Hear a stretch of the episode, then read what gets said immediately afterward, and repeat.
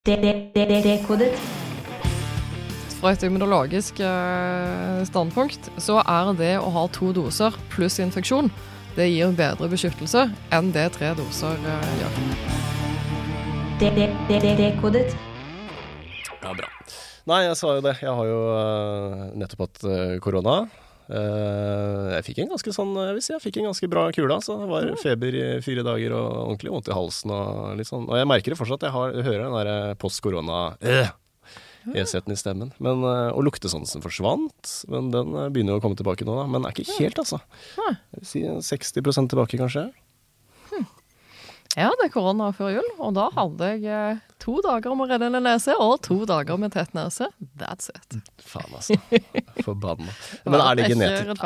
er det genetisk? Fordi det var mannefall på jobben, alle ble syke. Alle ble smitta samme dag. Og jeg og en annen ble sånn ganske dårlig, men de andre var bare sånn et par dager med snufsing, liksom. Det kan være genetisk, Ja. eh, men det kan være en rekke andre faktorer òg som vi rett og slett ikke Vi har mange hypoteser på hva det kan være, Det er det vi har. eh, men eh, ingen faktiske svar. Så det er Men hva skal vi gjøre med den luktesansen? For den vil jeg ha tilbake. For jeg så han der legen Wasim, han, en, han har mista luktesansen. Mm. og nå har det gått ett år, og han har fortsatt ikke fått den tilbake. Uh, la ut en sånn YouTube-video nylig. Og han har jo fått sånn helt sånn forvrengt luktesans, så ingenting som lukter det det egentlig skal og greier. Og da tenker jeg når det har gått et år, da begynner det å bli litt skummelt, altså. Ja, Da begynner det å bli skikkelig kjedelig og ikke Ja. smake mat og noe. Men du skal rett og slett ta og så finne eh, egentlig sånn sterke lukter, eller lukter du er kjent med. Mm. Og så skal du lukte på de, gjerne hver dag, mens du prøver å huske lukten. Sånn at du liksom tar og så trener opp igjen eh, luktesansen med kjente lukter. Ja, det høres jo Men jeg skjønner ikke liksom mekanismen her. Hvordan eh, vil det føre til at eh, luktecellene regenererer seg sjøl, på en måte? Ja, det det vil på en måte det. Dette er jo absolutt ikke det jeg kan noe om. Så Nei, dette er jo bare hva jeg har lest. Men det må jo være det, at de Ja. regenereres på en eller annen måte. ja, så lukte på ting du vet hva lukter, og gjør det hver dag. Altså. Lukte på kjente lukter. Eh, jeg tror det var i det jeg leste, så sto det det var anbefalt tre kjente lukter per dag. Ja. Eh, og så Det var anbefalt egentlig oljer. Fordi det er lett å ta med seg selv når du reiser hvis det blir langvarig. Det er det, vet du. Så oljer med litt sånn kjente lukter, og så Ja. åpner de og Da skal jeg begynne med det. Men jeg har jo jeg har nesten fått den tilbake, da, så jeg ikke, skal ikke begynne å bli nervøs helt ennå. Men det er kjedelig å aldri kunne smake god mat igjen, altså. Ja, det er det. Men du vet fordelen her. selv hvis du får det tilbake og fortsetter med lukttrening, så får du utvikla luktsmaken. Og så kan man bli vinekspert, ikke Og så kan du bli er vinekspert og enda bedre å lukte. og Ja, veldig bra. Nei, men du er ikke noe lukteekspert, men det du er, er vaksineekspert, ikke sant? Ja. Og du jobber ved Universitetet i Oslo, altså avdeling for immunologi ved Universitetet i Oslo. Det stemmer. Og så leste jeg at du driver med noe ganske spennende. Du driver og utvikler, eller du leder et team som utvikler en ny skal vi kalle det en kombina eh, kombinasjonsvaksine som skal beskytte både mot influensa og mot korona. Ja, det er et av prosjektene som vi jobber med, og det er jo eh, ganske kult.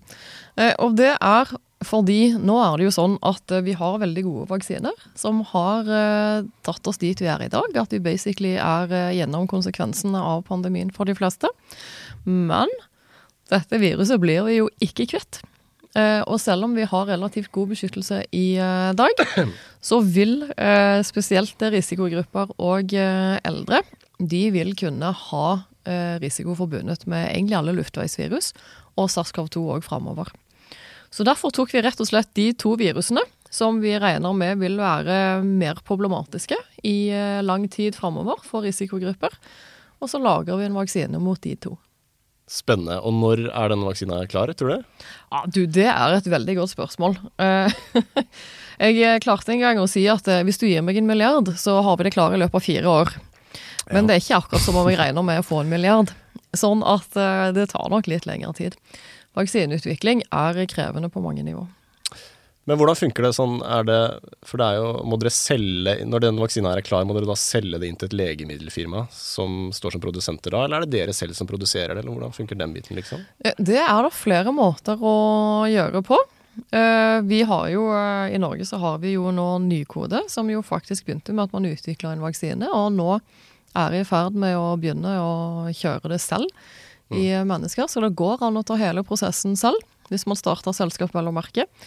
Nå er jeg ansatt på universitetet og Oslo universitetssykehus, sånn at eh, når du begynner å bli seriøst, så må du ut derfra uansett. Ja, okay. Så Hvis det blir det skal kommersialiseres. det blir ikke Pfizer, Moderna og Grødland-vaksinen? Um, nei. Nei, men åssen uh, er teknologi, Hvilken teknologi uh, bruker dere? For det, det, kan vi jo snakke litt om, de ulike typer vaksineteknologiene. da. For mm. Du har jo dette med, altså du har mRNA-vaksiner, vektorvaksiner tror jeg det er noe som heter. Stemmer. Og så er det vel noe som heter proteinvaksiner, ikke sant? Ja. Og det er den type, den type proteinvaksine dere utvikler? Det er en type proteinvaksine. og det er fordi det er nå en del som har vært relativt skeptiske mot mRNA. Eh, og tenker at det vil kunne endre arvematerialet på noen måte. Nå kan det altså ikke det. Men eh, vi har eh, likevel valgt å gå for protein, rett og slett for å slippe unna at folk er skeptiske mot akkurat det.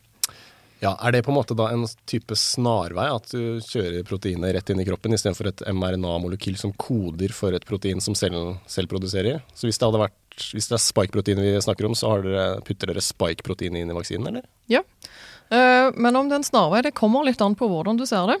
Fordi når du uh, putter oppskriften på um, vaksinen inn i kroppen, så betyr jo det at produksjonsprosessen som ligger før, kan gjøres kortere. Når du på en måte leverer det ferdige produktet inn i kroppen som et protein, så vil jo produksjonsprosessen før kunne ta ja. lengre tid. Sånn at uansett uh, hva du gjør, så går du fra DNA til MRNA til protein. Så spørsmålet er egentlig hvilket trinn du velger å bruke som vaksine. Og så har de noen fordeler og ulemper. Ja, Hva er de ulike fordelene og ulempene mellom de ulike teknologiene? Fordelen med DNA, som kommer uh, aller først DNA er jo det arvematerialet vårt er eh, koda på. Det er at det er raskt å lage. Det er temperaturstabilt. Eh, sånn at hvis du tenker at du skal ha en vaksine som kan sendes eh, raskt ut over hele verden, i eh, ørkenen uten kjøleskap eller i polarstrøk eller hvor som helst, uten at du tenker på temperatur, så funker bare DNA. Mm. Og så har du mRNA, som jo er litt mer krevende i produksjon, og som har litt høyere krav når det gjelder stabilitet etterpå. Altså du trenger fryser av ulik temperatur uh, for at den skal funke. Og så har du protein, som uh, kan være stabilt, litt avhengig av hvordan du lager det, i kjøleskap eller uh, fryser. men som typisk er litt mindre effektivt, så det må blandes med en adjuvant. Mm. Og adjuvant er Det pleier egentlig bare å kalles noe dritt som du legger inn sammen med vaksinen. Og det er for å gjøre immunsystemet oppmerksom på at her er det noe du må respondere mot, her er det noe fremmed noe du skal oppfatte som litt farlig. For hvis ikke immunsystemet gjør det, så danner det ikke responser, og da funker jo ikke vaksinen. Det er det. Ok, Så da har du tre ulike typer eh, vaksiner. AstraZeneca det er en type DNA-vaksine, ikke sant? Eh, ja, på en måte så er det det. Eh, det er som du sa en eh, vektorvaksine. Fordi det de har gjort, er å putte DNA inn i eh, et virus som de har fratatt evnen til å formere seg. Eh, så det er en annen eh, vaksinetype. Og så kan du jo lage vaksiner basert på bare drept virus òg. Det er noen som mm. gjør det. Og så er det noen som eh, lager vaksiner bare basert på ufarliggjort virus, men av den samme typen som du faktisk har tenkt å få beskyttelse mot. Ja, det er det. Og så er det, ja, ikke sant, Pfizer og Moderna det er mRNA-vaksiner, som vi ja. vet. Er det noen andre typer koronavaksiner som er basert på proteinteknologien? Altså proteinvaksiner? Ja, proteinvaksiner er jo Novavax. Den Novavax, som ja. Eh, kommer eh, snart til uh, Norge. Riktig. Så det finnes, det òg. Ja. Og det er ikke en type du vil foretrekke over en annen? Nei, det er det ikke. Og du kan si det sånn at jeg har hørt en del som nå sitter og venter på denne proteinvaksinen fra Novavax, for de tenker den er tryggere. Og til det kan jeg bare si at nå har vi vaksinert millioner på millioner på millioner med mRNA. Det er vaksiner vi begynner å kjenne ganske godt. Uh, og uh, selv om protein har vært brukt i vaksiner tidligere, så har man ikke brukt det mot SARS-CoV-2. Og derfor er det en ny vaksine som vi følgelig vet mye mindre om. Mm.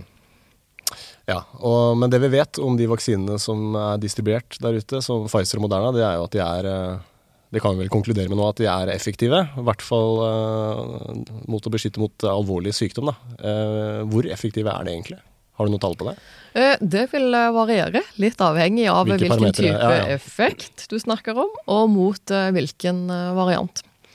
Altså når de kom i kliniske studier, så var det jo egentlig stor overraskelse i fagmiljøet. Fordi da hadde de en effekt på rundt eh, 95 mot symptomatisk sykdom. Og det er skikkelig bra, rett og slett.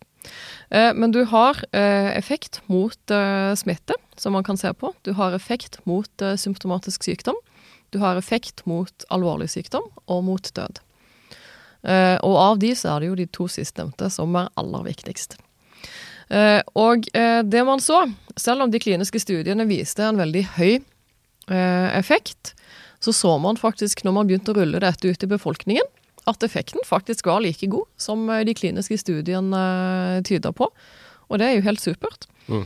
Eh, og så kom alfa, og man var litt bekymra for vaksineeffekt. Men den var fortsatt like god. Så kom delta, og vaksineeffekten begynte å gå nedover. Eh, og da, eh, litt avhengig av hvilket tidspunkt du ser på, så gikk vaksineeffekten mot delta relativt raskt ned til en sånn eh, 50-60 prosent. Eh, og da er det snakk om effekt mot symptomatisk sykdom. Mm. Eh, og så kom omikron, og effekten fortsatte å dale. Eh, sånn at litt avhengig av eh, hvilket tidspunkt eh, du ser på, så har du eh, effekter eh, som ligger mellom 50 og 10% Så Men effekten mot alvorlig sykdom, den holdt seg stabil. Ja, effekten mot alvorlig sykdom, og det er det som er viktig. Altså etter to vaksinedoser så ser vi faktisk ikke i eh, voksne at det er et tegn til at effekten mot alvorlig sykdom reduseres. Du ser i eh, eldre over 60 eh, at effekten over alvorlig sykdom i de mest utsatte blant de går ned rundt etter et halvt år. Eh, Og Derfor er det svært viktig at spesielt de tar en tredje dose. For da går effekten òg mot alvorlig sykdom opp igjen i de. Eh, Og det er fordi eldre typisk har litt vanskeligere for å danne eh, nye og veldig gode immunresponser sammenlignet med yngre, så de trenger rett og slett litt ekstra hjelp. Men vaksinene funker veldig god mot alvorlig sykdom, og vi ser ingen tegn til at den svekkes ennå. Nei, ingen tegn til at den svekkes. Så hvis man er fullvaksinert, og det begynner å bli en stund siden, så har man fortsatt eh, full effekt mot eh, alvorlig sykdom. Ja. Regner man med at den effekten vil avta om et år, f.eks.? Har man noen hypoteser om hvor lenge det vil vare? Det vet vi rett og slett ikke. Og når vi ikke vet det, så er det fordi her er det ganske store forskjeller mellom eh, ulike virus, hvor langvarig den eh, responsen som dannes faktisk er. Mm. Og det kan være alt fra et par år til eh, 100 år. For influensa så vet vi at de som hadde eh, spanskesyken rundt eh, første verdenskrig, hadde masse antistoffer fortsatt i eh, blodet 100 år etterpå cirka. Ja. Det er ikke helt vanlig, men eh, det er ganske stort spekter her Ja. for hvor lenge det kan funke. Men da er jo spørsmålet mitt, hvorfor skal man ta en boosterdose? La oss si at man er ung, da, en gutt eller jente på 21 år som er fullvaksinert med to doser. Hvorfor skal man da putte en booster på toppen der? Ja, Veldig godt spørsmål. Jeg ser ingen grunn til at du skal det. Nei, ikke sant? Nei. Men der føler jeg kanskje at kommunikasjonen har vært litt sånn utydelig. For FHI har vært veldig tydelig og sagt at vi anbefaler booster til folk over 45. Yes. Og så er det valgfritt hvis du er under 45, men vi ser ikke, vi kan ikke, klarer ikke å lande på om nytteverdien veier opp for ulempene. Er ikke det noe så krystallklart signal Det som klart. du kan få? Jo, det er jeg enig i, Ja. men uh, det har ikke vært like tydelig fra regjeringen. For der har man bare snakket om når vi får boosta nok folk, uten at de har laget det skillet. da. Så det tror jeg folk har opplevd litt forvirrende. Jeg syns også det var litt forvirrende. Jeg følte at liksom det var Jo, alle skal jo booste seg, liksom. Før Ja. jeg begynte å sette meg inn i det. Her kan det være det. Du har en, eh, et politisk ønske, og så har du en faglig anbefaling som kanskje ikke er eh, akkurat de samme. Men en annen ting som er litt interessant, da, er vet, Det er ikke sikkert du vet det her, men går, det at vi booster unge, friske folk, går det på bekostning av eh, tilgangen på vaksiner eh, for eh, utviklingsland? ikke sant? Fordi eh, det er jo lav vaksinedekning i veldig mange land ellers i verden, og så driver vi og booster unge friske. Ja, altså det at Europa driver og booster eh, unge friske, har helt klart gått på bekostning av eh, tilgangen til vaksiner i eh, Afrika f.eks. Eh, nå er vi eh, der eh, at Afrika, sannsynligvis alle sammen etter hvert, har vært smitta. Fall en ganske stor andel av befolkningen. Sånn at det nå begynner å bli vanskeligere å se hvilken nytte det å vaksinere hele befolkningen i Afrika skal ha. Ok, ja. Så ting endrer seg etter hvert som man bygger immunitet i befolkningen. fordi altså, Den kan bygges på to måter. Og det tenker jeg det er ganske viktig å huske. Du kan enten bygge grunnleggende beskyttelse med vaksiner, eller du kan gjøre det med å bli smitta med virus. Og så er jo risikoen med sistnevnte betydelig høyere enn vaksinene. Og derfor er det viktig å ta eh, vaksinen først. Det er det. Men beskytta blir du jo uansett. Nettopp. Men likevel så vil det jo være sånn at eh, for eh, yngre, friske voksne, det å ta en tredje dose eh, vil jo kunne òg være forbundet med en større risiko for bivirkninger. Ja. Sånn at det er òg en avveining man må gjøre, og det tenker jeg går jeg ut ifra, det vet jeg jo ikke, men jeg regner med det har vært eh, en ganske viktig del av bildet fra Folkehelseinstituttet. Når de har gått inn for at det er valgfritt, men ikke anbefalt. Ikke sant. Men da snakker vi om type bivirkninger som hjerteposebetennelse, hjertemuskelbetennelse eller menstruasjonsforstyrrelser.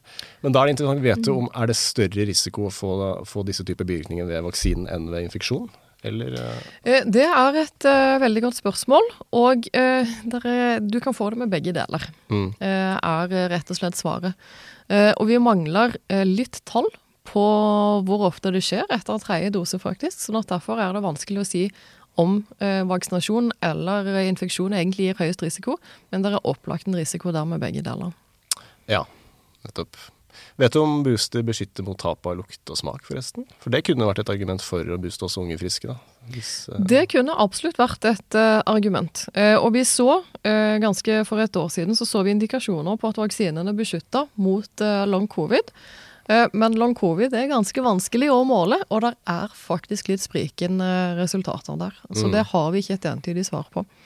Eh, og spesielt når vaksinene blir eh, mindre og mindre effektive når det gjelder å hindre smitte og mild sykdom, mm, eh, hvor vi jo er nå, og du uansett blir relativt mildt syk da, så vet vi veldig lite egentlig om den effekten på long covid ennå.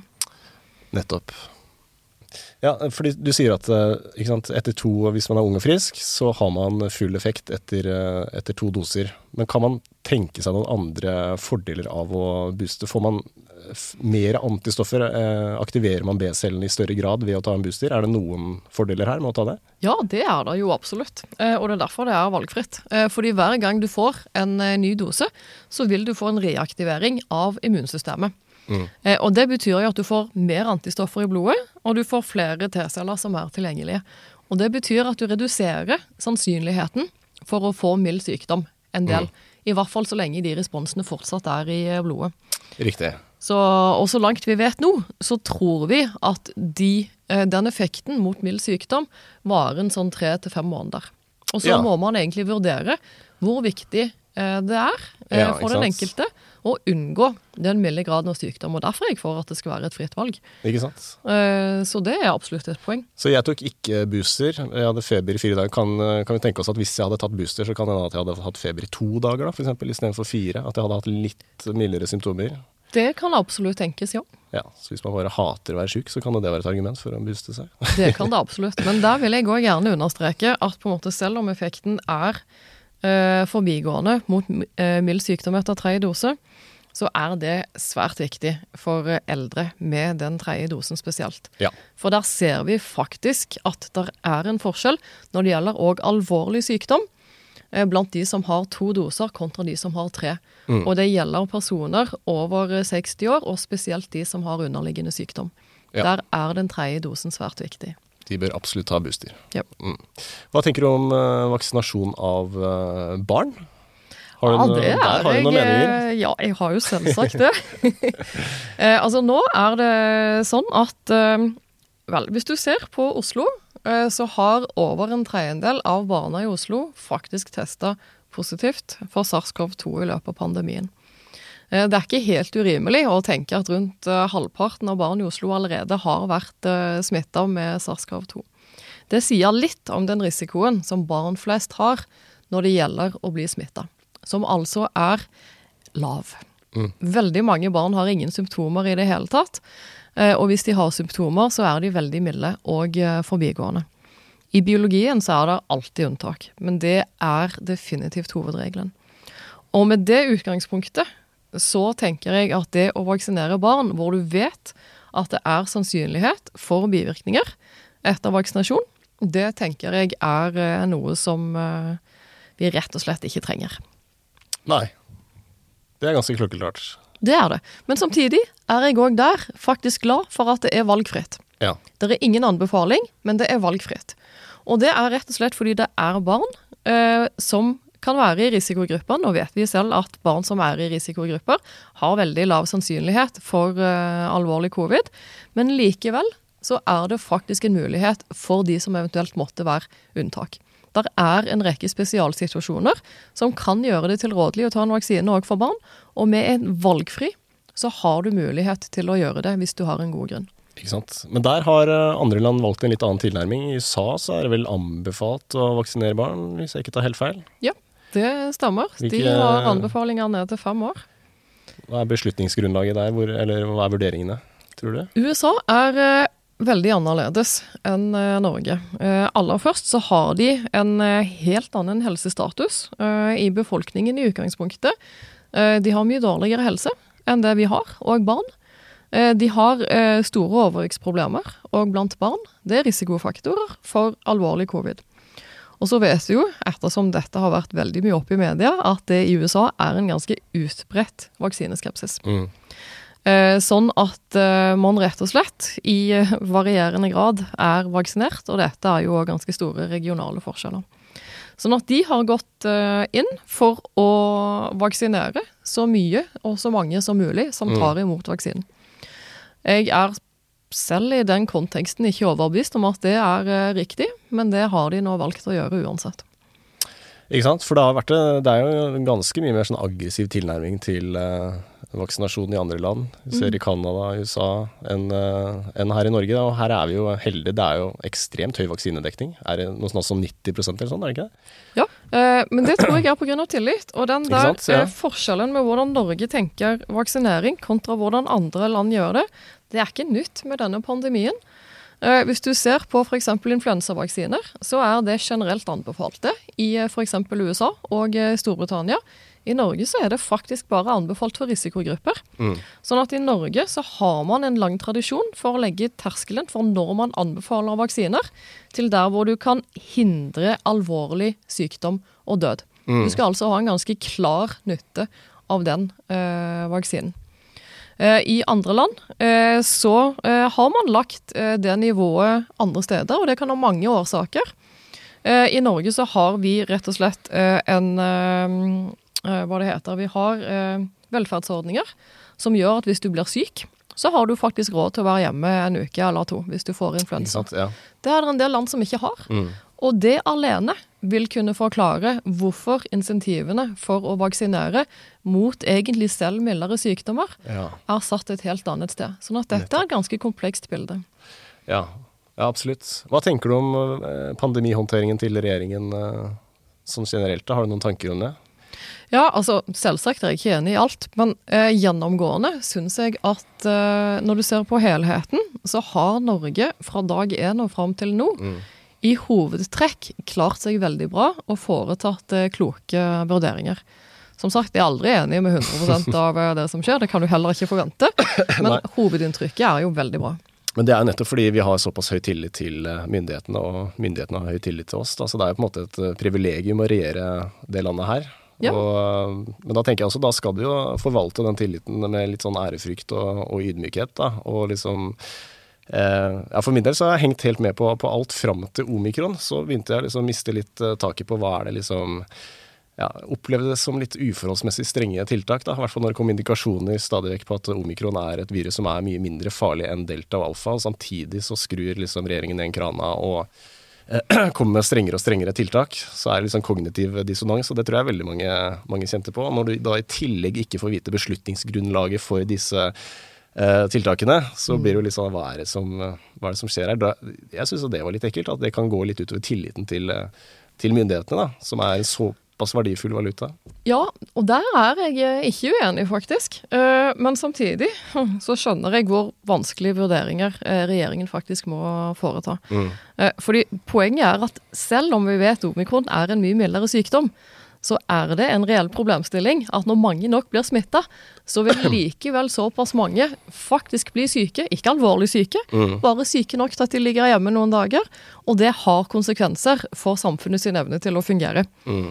Eh, hvis lærere blir borte, sykepleiere, leger osv., brannmenn. Altså, det har eh, konsekvenser. Mm. Og det å prøve å manøvrere sånn at du har mest mulig frihet, og samtidig faktisk klare å opprettholde i hvert fall samfunnskritiske funksjoner, og helst noen til, Mm. det er vanskelige vurderinger. Absolutt, ja. Og Men er- jeg er jo likevel der at jeg syns mest mulig frihet er uh, idealet. ja, Men jeg ser likevel at det er veldig vanskelige vurderinger. ja, ikke sant. Det er kanskje det mangel på åpenhet som jeg reagerer mest på. da. At Ja. eh, vi aldri fikk vite det beslutningsgrunnlaget. Eller det er kanskje kommet fram nå, jeg er usikker, men det satt langt inne i hvert fall. Ja, men åpenhet er viktig, og jeg tenker der, eh, hvis du ser på Norge og går tilbake til eh, starten av det var vel 2021, gjør det ikke det? Ja, nå går det litt i stå. Jo, det blir starten av 2021. Eh, hvor vi hadde eh, disse alvorlige blodpropphendelsene etter Mm. vaksinering med AstraZeneca-vaksinen. Så demonstrerte jo nettopp alle eh, nasjonale myndigheter en helt forbilledlig åpenhet ja, helt når det gjaldt å rapportere mulig Altså selv før man visste det var noen sammenheng, eller Mm. regnet med det, så er det en åpenhet som du rett og slett ikke finner igjen i store deler av Europa engang. Når det gjelder bivirkninger. Det var veldig tillitsvekkende. Det var veldig bra, måten du håndterte det på. Enig. Det var veldig bra. Og jeg ser fortsatt at man er veldig åpne når det gjelder å rapportere bivirkninger, nå senest med FHI, som ser på den mulige sammenhengen mellom menstruasjonsforstyrrelser og vaksinen. Mm. Eh, Og er klare på at eh, det er ikke utenkelig at det er en sammenheng med så mange tall. Så er det vanskelig å anta noe annet, og derfor undersøker vi. Mm. Det er, eh, Selv om man ser den samme økningen i mange andre land, så er det få steder hvor man er så aktive og prøver å forstå hva som skjer, og virkelig eh, egentlig er nysgjerrige. Ja, absolutt. Det er jo, ja, det er jo ikke lett å styre landet gjennom en eh, pandemi, men sånn i det store og det hele så er jeg helt enig i at Norge har gjort det, gjort det veldig bra. Og så er det, men det er jo andre ting jeg kan reagere på, sånn, eh, spesielt dette med er det, dette koronapasset. EU eh, har bestemt at altså to doser og gjennomgått infeksjon skal ikke likestilles med tre doser, er det ikke noe sånt? Ja, Det er bare helt Ikke for er, jeg skjønner ikke rasjonalet bak, da. Nei, det er bare håpløst. Er ikke det bare å Ja. Ja, altså, vi vet vet at fra et immunologisk eh, standpunkt så er det å ha to doser pluss infeksjon, det gir bedre beskyttelse enn det tre doser eh, gjør. Sånn at eh, Ja, hva er greia? Hva er Ja, bak her? godt spørsmål. For det er, jo, det er jo bare å putte mer eh, hva heter det, på bålet eh, for vaksineskeptikere, på en måte. Ja, Der. det er det. Og der har du det du var litt inne på, at det er en del sånn vaksinepushing bare for å pushe vaksiner, Ja. uten at det faktisk alltid er klarlagt hvorfor du pusher vaksiner. Og det er der jeg tenker Norge eh, har en lang tradisjon for å sette terskelen at vi pusher vaksiner når vi faktisk mener at det har en klar hensikt. Ja. Og kan ikke du argumentere for en klar hensikt når det gjelder å redusere sykdom? Vel, da gjør vi det ikke. Ikke sant? Det er et bra prinsipp. Men konsekvensen her er jo at folk vil jo antageligvis vaksinere seg for å kunne reise. Så nå som jeg har, jeg har to vaksiner, nettopp gjennomgått en infeksjon, eh, da har jeg vel gyldig pass i seks måneder, tror jeg. Hvis jeg skal på ferie i, eh, i september, så må jeg ta en vaksine for å kunne reise. Ja, Det må jeg òg. eh, mitt håp er at EU kommer til fornuft eh, før eh, Ja. jeg eventuelt må ta en tredje vaksinedose. Eh, så det jeg tenker er at hvis du har to vaksinedoser, så venter man lengst mulig. Og så ser man om EU kommer til fornuft i løpet av våren. Eller så tar du den tredje dosen noen uker før du drar på ferie. Ellers er det bare å bestille ferie fortest mulig. Ja. Enig. Hva tenker du om eh, koronapass? I, eh, vi har ikke innført koronasertifikat i Norge ennå, heldigvis. Eh, jeg er generelt veldig skeptisk til det, men har du noen tanker om det? Ja, altså i utgangspunktet så er jeg òg skeptisk. Samtidig så ser jeg at i noen situasjoner vil det absolutt kunne ha en hensikt. Vi er ikke i dag i en situasjon der det vil ha noen hensikt i det hele tatt. Eh, men hvis du ser for deg at man er eh, i en situasjon der vaksinene faktisk eh, beskytter mot smittespredning, og vi har et virus som forårsaker alvorlig sykdom i befolkningen, så vil det kunne ha en hensikt å bruke mm. koronapass, eller vaksinepass, eller hva du nå kaller det. Men jeg tror ikke vi vil havne der at vi trenger det mot SARS-CoV-2. Det er derimot faktisk ganske eh, lurt, tenker jeg, å ta diskusjonen med hvilke eh, rammer som eh, kan ligge rundt det å bruke et sånt eh, vaksinepass. Hva er eh, jussen? Hva er eh, etikken? Hva ønsker vi i et demokratisk samfunn? At det blir en debatt. Sånn at neste gang vi får en pandemi, mm. så har vi i hvert fall tatt den debatten på, på forhånd. og kan ta og ha et klarere grunnlag for å vurdere hva vi skal gjøre, og hva som er riktig. Ja, det er akkurat det. For her tror jeg det er to ulike tilnærminger. Det er mange i utelivsbransjen og i, eh, i kulturlivet som, eh, som, er positive til koronapass. Og det er kanskje den pragmatiske tilnærmingen. da. At man er jo seg selv nærmest, og så har de kanskje sett på det som er mulighet til å kunne drive eh, selv under en pandemi. Men når vi vet at koronapasset ikke hindrer smitte, så hva er da målet? Da står vi igjen med liksom, er det for å straffe de som har valgt å ikke vaksinere seg, eller er det for å pushe de til å gjøre det? det liksom, og der tenker jeg også litt sånn eh, Det å ikke vaksinere seg når vi vet at eh, vaksinene er så effektive som de er, det er jo et dumt valg. Men selv om det er et veldig dumt valg, så er det fortsatt et personlig legitimt valg innenfor mm. lovverket. Ja, og jeg tenker når man har høy tillit i Norge i befolkningen, som vi har vært innom, så er det nettopp det fordi man faktisk har tatt valget selv. Mm. Så det å bevare vaksinen som et fritt valg, det er noe jeg syns er eh, svært viktig. Og så er det heller min og andres jobb å forklare hvorfor det er viktig. Men uh, uansett så vil jo mm. noen selvsagt velge å gjøre noe annet enn det jeg syns. Og sånn er det jo i et demokrati. Punktum. Ja, ikke sant. Det er jo akkurat det. Og når vi har vaksinedekning på 90% eller hva det er, så kan man jo nesten ikke forvente noe bedre. Jeg tror ikke jeg ville levd i et land med 100% vaksinedekning. Det høres jo rart ut å si, men det betyr jo enten at man er tvangsvaksinert, eller at befolkningen har en 100 eh, tillit til, eh, til regjeringen uansett. Da. Jeg vet ikke. Ja, man vil bli litt, litt stressa. Ja, vi trenger de der litt sånn kontrære personlighetene i genpoolen ikke sant? Til, eh, til en annen gang, kanskje. Selv om de oppleves som klovner nå, ikke sant. Men ja, men man gjør det. Og så er det viktig. Eh, ja. Det er viktig å stille spørsmål. Det er viktig å kreve svar på mm. hvorfor ulike tiltak er iverksatt, og hvorfor endringer faktisk er gjennomført. Mm. Det syns jeg er viktig. Eh, og jeg syns det er viktig at man kan begrunne det, selvsagt. Altså, I et demokrati så må vi vite hva som skjer, og hvorfor det skjer. Ja. Det tror jeg er den eneste måten å opprettholde tillit på.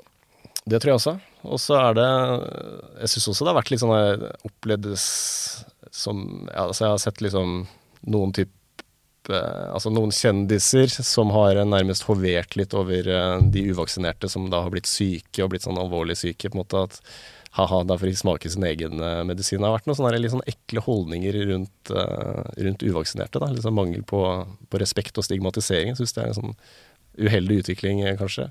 Mindre av det i Norge enn, enn ellers, da, og særlig blant lederne, sånn som uh, Hva heter han uh, prime ministeren i Canada? Justin Trudeau? Trudeau, ja. Trudeau. ja, han uttalte noe sånt som Nå er det en sånn der protestbølge mm. i Canada, 'Truckers for Freedom' eller sånt. Og der tror jeg nesten 85% er jo vaksinert. Så det handler ikke om sånn antivax-greie. Det er vel mer at de, at de reagerer på strenge tiltak. da, At du må være vaksinert for å kunne krysse landegrenser eller noe sånt. Er det ikke det? Mm. Jo, og, så kaller han de for en fringe minority with unacceptable views. Så det er ikke handlingene han reagerer på, men det er synspunktene. Så ifølge han så er det det å bare mene noe annet, det er uh, uakseptabelt. da. Unacceptable views. Jeg bare reagerte på det. Måten det er litt sånn, litt sånn ovenfra-ned-holdning fra, fra, toppen. Ja, og du vet, det er problematisk. Uh, fordi i et demokrati så må du ha lov til å stille spørsmål. Og du må ha lov til å ta andre valg. Altså, selv meg som virkelig skjønner vaksinene sin effekt og den nytten vi har av de. Hvis det hadde kommet en eller annen eh, myndighetsperson og sagt at du har ikke noe valg, du skal ha vaksinen, mm. så hadde jo hver fiber i kroppen min stritta imot. Ikke sant? Uh, selv om jeg egentlig visste at det var rasjonelt. Jeg hadde sannsynligvis og forhåpentligvis kommet fram til at jeg skulle ta vaksinen uansett. Men altså, det hadde krevd ganske mye. Ja, ikke sant? Uh, og den innstillingen tror jeg vi er ganske mange uh, som har. Og det er derfor det valget er så viktig. Og egentlig syns jeg faktisk det er ganske fint at òg den majoriteten av vaksinerte stiller opp og sier vet du hva, vi er dypt uenige med de som Mm. har tatt et annet valg, men vi vil forsvare det retten til å ta det likevel. Ikke sant? Det er i vår alles Det er viktig, altså. ja. Det er det. Ja, du har tatt et dumt valg, men det er ingen som går gjennom livet uten å ta dumme valg, på en måte. Så, På ingen måte. Så ja. Jeg er helt enig. Jeg har lyst til å spørre hvordan du tror eh, vaksineprogrammet vil se ut framover. Tror du det blir liksom en booster hvert halvår, eller en årlig vaksine, eller den vaksinen som du utvikler, om det blir eh, Ja, hva tror du fremover? Ja, Det er vanskelig å spå om framtiden, eh, men det jeg ser for meg, er at vi jo nå, med vaksinering og smitte akkurat nå, er i ferd med å danne en veldig god og grunnleggende beskyttelse i befolkningen mot SARS-CoV-2. Eh, Og det vil eh, trolig holde eh, mot nesten hvilken som helst variant som skulle oppstå i framtiden, som er en sannhet med modifikasjoner. Eh, fordi eh, vi vet eh, at det er en del eldre som hvert eneste år er utsatt for eh, alvorlig sykdom med ulike luftveisvirus, og det vil de fortsette å være òg med SARS-CoV-2. Eh, Sånn at eh, det jeg eh, ser for meg, er at man omtrent som influensa en gang i året tar og oppdaterer de immunresponsene som finnes spesielt i eldre og risikogrupper, sånn at de er godt beskytta over den kommende vinter- og høstsesongen, hvor man kan forvente at det blir en del smitteeksponering igjen. Mm. Så med det så går vi på en måte inn i ja, om du kaller det fjerde dose, eller hva du kaller det. Men du går inn i et uh, framtidsscenario hvor uh, SARS-CoV-2 på linje med influensa er noe vi må fortsette å beskytte de mest utsatte mot. Men hvor flertallet sannsynligvis ville oppnådd god beskyttelse. Ikke mot smitte, men mot uh, alvorlig sykdom i hvert fall. Ja, Beskytta av to doser og gjennomgått infeksjon. Yes.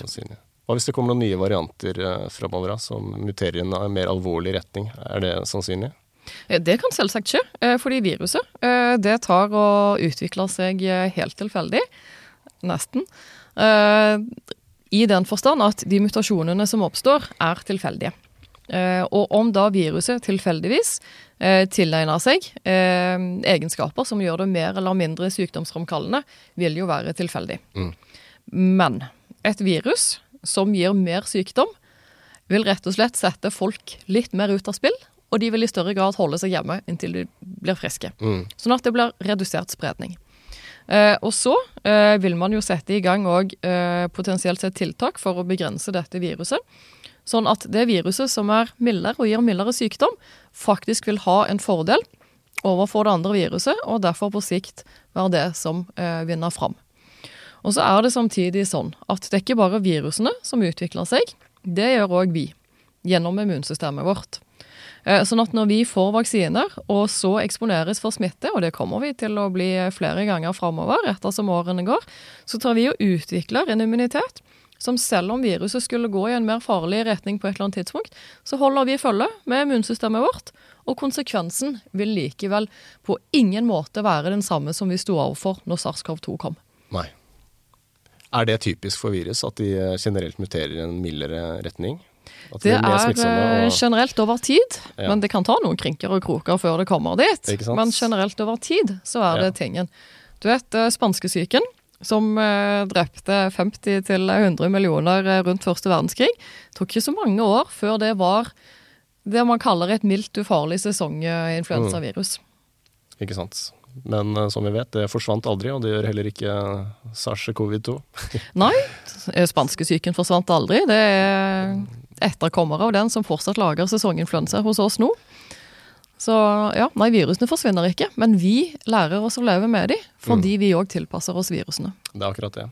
Kan det, altså, det kan jo komme en ny pandemi med et helt annet uh, type virus. Tror du vi er bedre forberedt uh, til neste gang enn vi var nå? Eh, det håper jeg. Eh, og eh, når jeg håper det, så er det spesielt fordi jeg håper vi nå benytter anledningen til å ta disse vanskelige diskusjonene om hvordan man skal håndtere koronapass, evaluere hvilke tiltak som faktisk fungerte. Og hvilken kunnskap vi faktisk trenger, både for å lage vaksiner raskt nok, og for å lage riktige vaksiner. At vi nå benytter all den muligheten vi har til å lære, det vil gjøre oss bedre forberedt neste gang. For det kommer en neste gang. Mm. Om det kommer i morgen eller om 100 år, det er ikke noen måte å si noe om på. Det ikke det, vet du. La oss håpe det er 100 år heller enn eh, Ja. i morgen. Eh, men det kommer, og den dagen så bør vi være bedre forberedt enn det vi er nå. Hvis ikke så har vi i hvert fall feila. Er det noen virus der ute som forskerne er litt sånn ekstra påpasselige på å følge med på, liksom? Som man eh, kan se for seg er like dødelig som ebola, like smittsom som uh, forkjølelse? Bare for å lage litt sånn der skrekk... eh, Man har jo absolutt noen skrekkscenarioer. Ja, og det er jo ikke helt grunnløst at uh, Verdens helseorganisasjon driver et uh, internasjonalt omfattende program for å sample hvilke virus som beveger seg i dyreriket og fugler og mennesker. mm. Det er jo nettopp for å holde øye med noen av disse virusene som kan representere fremtidige trusler. Alle har sikkert hørt om fugleinfluensa. Det er jo et av de. Eh, Det som er fint, er at i dag så er eh, fugleinfluensa begrensa til eh, fugl. Mm. I den forstand at det smitter mellom fugl. Det kan noen ganger smitte til mennesker, men det krever typisk store doser og veldig nærkontakt med disse fuglene. Vi vet at disse fuglevirusene som nå går, de kan endre seg til noe som har evne til å smitte mellom mennesker, men de kan ikke det i dag. Men den dagen de gjør det, den dagen bør vi være klar. Den dagen bør vi være klar. Hvilket virus er du mest redd for? Jeg, Det er nok de jeg er mest redd for, faktisk. Ja, det er det. Ja, Det er ebola for meg, altså. Men, uh... ja men uh, ebola smitter ikke så mye. Sånn at ebola, hvis den skal virkelig få eh, stort spredningspotensial, så må den ta og gå over til å bli luftsmitte. mm, ja, den Da har vi et kjempeproblem. Er da- Og jeg tror det er flere endringer som skal til der, Ja. enn at disse fugleinfluensavirusene blir et eh, tilsvarende problem. Ikke sant. Den dagen flytter jeg til eh, Nordpolen Japp. og um, koser meg der. Du tror det kommer noen vaksiner mot andre type sykdommer også fremover? Jeg tenker på um, jeg sier kyssesyken. da. Jeg tenker på Epstein-Barr, som lager så mye trøbbel for så mange. Burde vi ikke vaksinert mot det, liksom? Ja, eh, og det er en ting. Jeg håper at dette har gitt en ny giv til eh, vaksineforskning mot mange forskjellige ting. Mm. Men samtidig, eh, det som er vanskelig med en vaksine, den som eh, mRNA eller DNA eller, eller protein eller hva det nå måtte være. Det er å velge hvilken del av viruset eller bakterien du skal putte inn i vaksinen. Hva du skal få immunresponsene eh, til å rettes mot for å gi beskyttelse. Og inntil du faktisk vet det, så hjelper det ingenting at vi nå er blitt skikkelig gode på å lage mRNA-vaksiner, og DNA for den saks skyld, fordi vi vet ikke hva vi skal putte inn i de vaksinene. Sånn at vi har eh, absolutt tatt et veldig viktig skritt, i og med at vi har nå eh, tatt i bruk vaksiner som er mye raskere å lage enn de som tidligere eh, har blitt brukt. Men vi er ikke der ennå at vi kan lage vaksiner mot eh, hva som helst. For det Nei. krever kunnskap om de ulike virusene og bakteriene. Men Kan vi komme dit på sikt, tror du? Det var deilig å ha hatt en sånn der eh, multivaksine som er beskytta mot forkjølelse og influensa og alt mulig. Bare slippe unna den driten. Ja, eh, og man kan komme dit på sikt, eh, men det krever eh, ganske mye forskning. eh, Både på når det gjelder å forstå hvordan de ulike virusene og bakteriene faktisk fungerer, eh, og eh, hva de reagerer med i eh, immunsystemet vårt, og hva som faktisk er en beskyttende type immunrespons. Altså ta hiv, ehm, som er et eh, virus som vi har hatt eh, nå i en del tiår. Og vi er ikke i nærheten av å få lage en vaksine mot hiv. Eh, og mRNA-vaksinene, eh, du kan for all del bruke de mot eh, hiv, men det er ingen grunn til å tro at de er bedre enn alle de x antall vaksinene man har testa ut så langt mot hiv. Og grunnen er at det er et virus som hypermuterer noe helt sinnssykt. Ja. Sånn at hvis du skal lage en vaksine mot det, så kan du ikke lage en vaksine mot et virus. Du må lage en vaksine som treffer et hav av virusvarianter bredt. Mm. Og så er det utfordringen da at den typen um, immunresponser som typisk er best på å beskytte, er òg mest sårbare for endringer i viruset. Mm. Og når du da har et sånn hypermuterende virus, så vet vi ikke helt hvilken type immunrespons man faktisk uh, skal uh, okay. danne.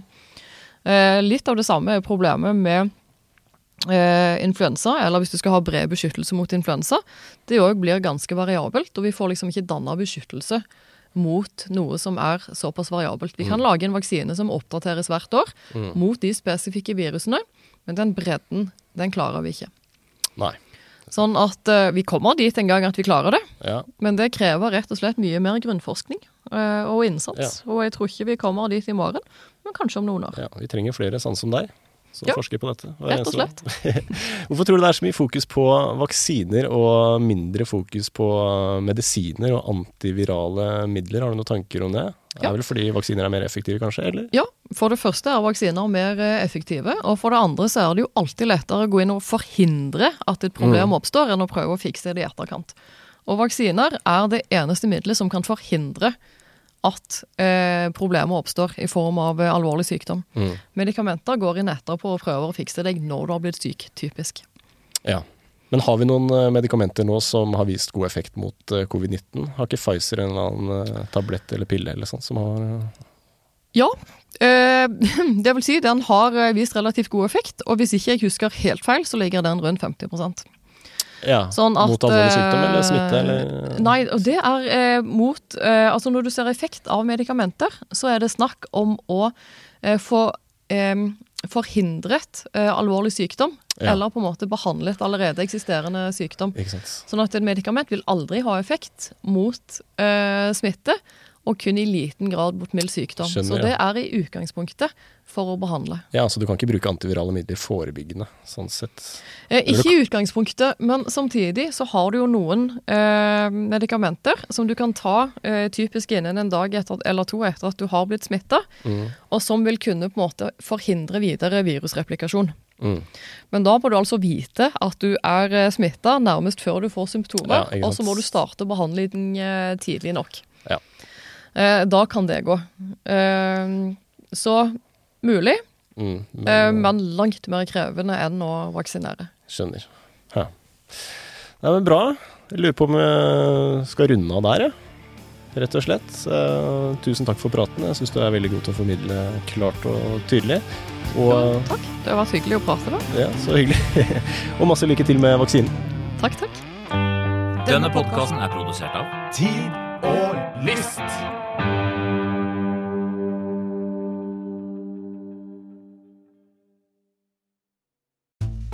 Vi i Rema 1000 kutter igjen prisene. Nå på en mengde påskefavoritter. For eksempel kutter vi minst 25% på 2 ganger 600 gram grillpølse fra Gilde, 10-pakk Chicago pølsebrød fra Hatting, 7-pakk tulipaner og andre påskefavoritter. Alt dette og enda flere priskutt på minst 25 For det er sluttsummen på påskehandelen som teller. Og husk at vi fortsatt har fryst prisen på over 1000 varer.